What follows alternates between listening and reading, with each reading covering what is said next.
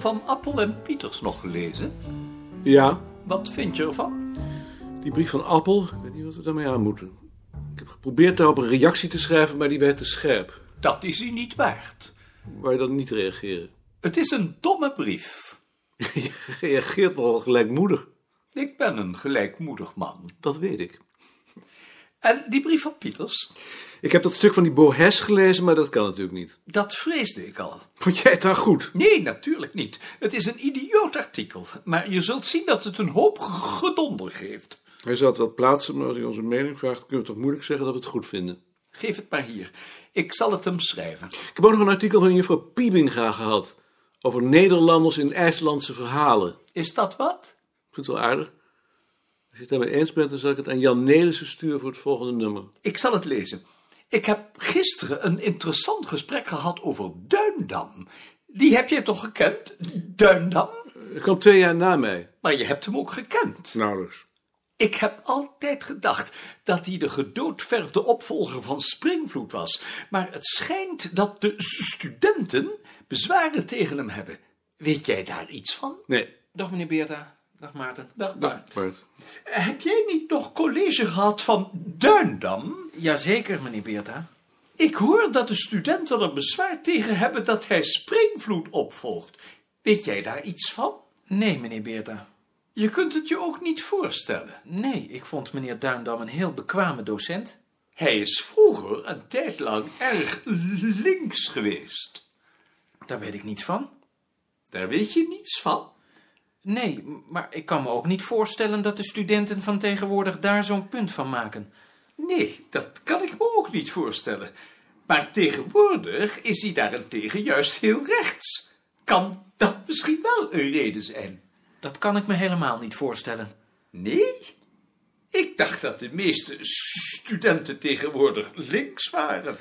De meeste studenten die filologie gaan studeren zijn ergens rechts, meneer Beerta. Daarom ben ik ook filologie gaan studeren. Ik dacht dat dat nogal meeviel. Dat komt omdat jij niet weet hoe rechts ik ben. Ik ben werkelijk erg rechts. Enfin, ik zie wel dat ik met jullie ook niet verder kom. Dag, Ha, ik heb Heidi in de stad ontmoet. ja, En ze vroeg wanneer we met vakantie gaan. ja.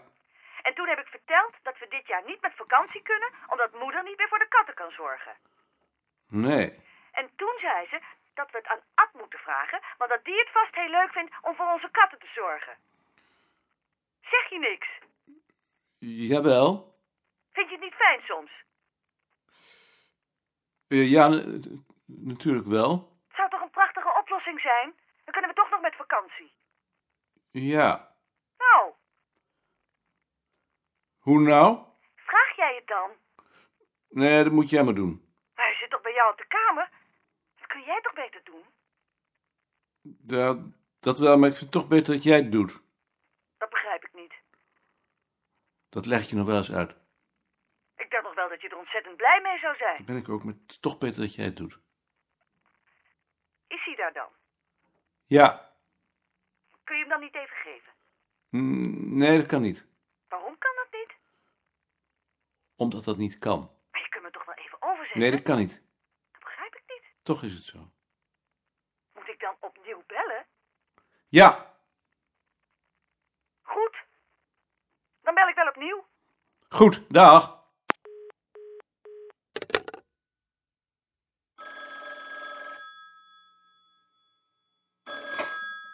Met. Dag, Nicolien. Dag. Dag. Ben je nou wel alleen? Nou ben ik alleen. Waarom wou je het nou niet aan Ad vragen? Omdat ik zijn baas ben. Mij kan hij het niet weigeren, of in ieder geval moeilijk. Jou wel. En wou je me daarom niet overzetten? Ja. Wat zei hij nou? Nou, ik vind het idioot. Misschien is het idioot, maar wat zei hij? Hij doet het. Mooi. Ik heb niet de indruk dat je er erg blij mee bent. Ja, natuurlijk ben ik blij. Ontzettend blij zelfs.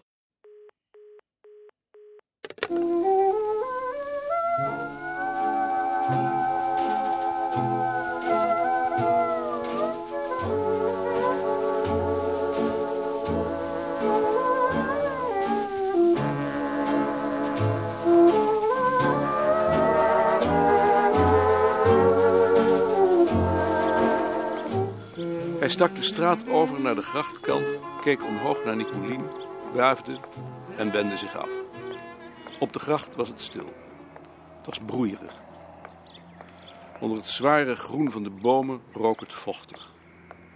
Op de stoep van nummer 86 zat als iedere ochtend de oude vrouw die op de Blauwburgwal woonde en die hij Eulalie gedoopt had. Ze schold hem soms uit voor schoft en hoerenloper. Maar dit keer zweeg ze. Ze kamde haar haar, haar tasje op schoot en praatte in zichzelf. Hij vroeg zich af hoe hij het zou vinden als hij daar woonde en kwam tot de conclusie dat hij geïrriteerd zou zijn. Langzaam liep hij de gracht af, zijn tas aan zijn hand, zijn regenjas over zijn schouder, omdat er onweer was voorspeld. Hij klom tegen de brug over de Leliegracht op en keek over de leuning in het water dat giftig groen zag van de algen. Het was warm. Een man op een fiets, die hem wel vaker ochtends achterop kwam, passeerde hem, zijn tas en zijn jas onder zijn snelbinder, net als hij, op weg naar zijn werk. Dat gaf een gevoel van verbondenheid. Vluchtig, maar toch.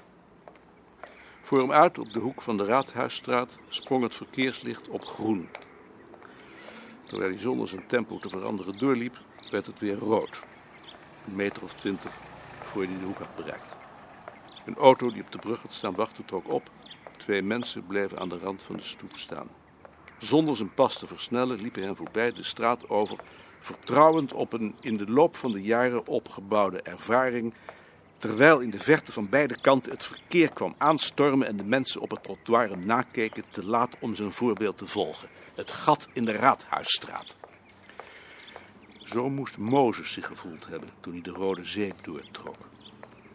Van achter het raam van de cafetaria op de hoek keek als iedere ochtend de man met de snor die op Drees leek op van de Telegraaf. Een man met een gorddroog gezicht, niet getekend door enige emotie, waarschijnlijk een boekhouder, maar dan wel een kleine.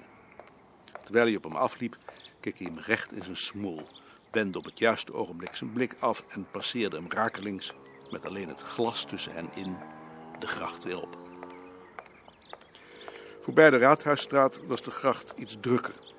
Het zojuist gewonnen zelfvertrouwen maakte plaats voor een licht gevoel van dreiging, alsof hij vijandelijk gebied betrad. Hij dacht aan het bureau en vroeg zich af wat hem bedreigde. Voortlopend kwam hij voor de zoveelste keer tot de conclusie dat het gewoon zijn schuwheid was. Zijn vage angst voor anderen die hem op zijn tocht door het leven begeleidden en die bij het lezen van overlijdensadvertenties soms een gevoel van afgunst gaf. Het meisje met het rode lakjasje leidde hem af. Vroeger, voor zijn vriend had, kwam hij haar pas tegen bij de Spiegelstraat. Nu stond ze iedere ochtend op de brug over de Leidse gracht op die vriend te wachten. Maarten had hem pas twee keer gezien. Een dikke, onverschillige jongen met een rossige snor. De eerste keer huilde ze, althans zo leek het, maar ze zag er altijd een beetje behuild uit. De tweede keer streek ze met een snel verlegen gebaar door zijn haar. Geen mooi meisje. Haar neusvleugels waren wat te kort, zodat je tussenschot kon zien. Geen type dat hem lag. Maar hij had wel met haar te doen. En terwijl hij dichterbij kwam en langs haar liep, schaamde hij zich omdat hij er getuige van was dat ze weer de eerste was. En had hij de neiging zijn hoofd af te wenden, alsof hij er niet was. Een klein mannetje waar je overheen kunt kijken of dat heel in de verte voorbij gaat. In gedachten een beetje treurig geworden, stak hij de Leidse straat over. Op de stoep voor Lloyds bank lag een verregende BH. Hij keek ernaar terwijl hij langsliep en vroeg zich af hoe hij daar gekomen kon zijn.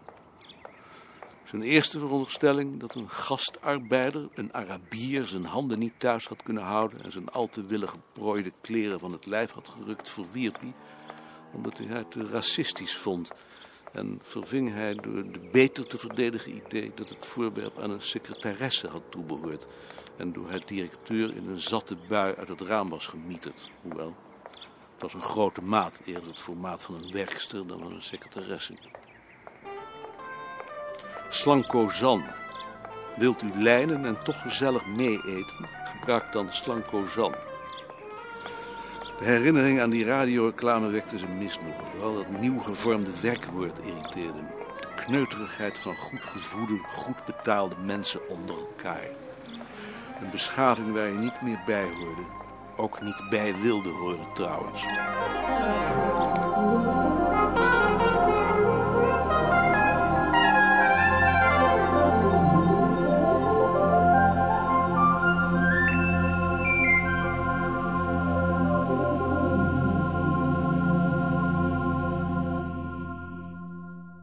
Goedemorgen.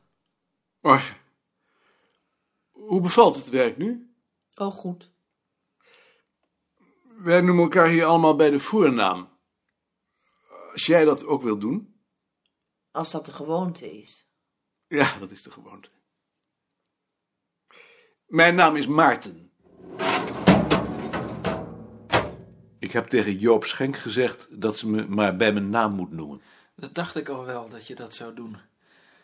Ik weet alleen niet of ik ook al zover ben. De- ik heb er nog eens over nagedacht, maar ik ben wel bereid om de antiquariaatscatalogie voortaan voor mijn verantwoording te nemen. Uitstekend. Ik hoop niet dat je denkt dat dat een competentiekwestie is. Natuurlijk niet. Het lijkt me een hele goede oplossing. Ik stel het alleen voor omdat ik denk dat het efficiënter is wanneer ze niet langer over zeven schijven lopen. Over vier. Want het lijkt me toch beter als deze zaken zich in één hand bevinden. Mij ook. Ik zou het alleen wel op prijs stellen wanneer jij en Ad mijn voorstellen vervolgens nog eens bekeken en je ermee akkoord verklaarden. Moet dat? Ik zou dat wel prettiger vinden, anders zou ik het toch wel moeilijk vinden om er de verantwoordelijkheid voor te nemen. Goed, laten we dat dan maar afspreken. Dus dan lopen de catalogie voortaan niet meer langs de dames. Jij bent dus nog niet met vakantie, Halbe. Had je dat liever gezien? Heb jij niet in de NJN gezeten? En waarom denk je dat? Ik denk om die baard. En omdat je op het Montessori Lyceum hebt gezeten. Ja, ik heb inderdaad in de NJ gezeten. Mooi. Dan kun je me misschien helpen. Als het maar geen psychische problemen zijn. Alle problemen zijn psychisch. Wij kunnen er toch wel bij blijven zitten, hè, Maarten? Als het psychische problemen zijn, blijf ik zeker zitten. Wij hebben thuis een oleander. Dat is een subtropische plant. Ja? Nou heeft Nicoline een paar weken geleden op die oleander een rups gevonden. Hoe moet ik dat nou verklaren? Dat een vlinder daar een ei heeft gelegd. Had je dat niet zelf kunnen verzinnen, Maarten? Jawel, maar ik kan toch niet aannemen dat een vlinder helemaal uit Zuid-Frankrijk hier naartoe is komen vliegen om een ei op mijn oleander te leggen? Ja. En wat heb je ermee gedaan? In een wekfles met een laagje aarde en een takje om aan te hangen. Heel goed. En wat verse bladeren, hoop ik. Uiteraard, ze vreten de oren van mijn hoofd. Ja, zo zijn ze. Straks heb ik geen oleander meer.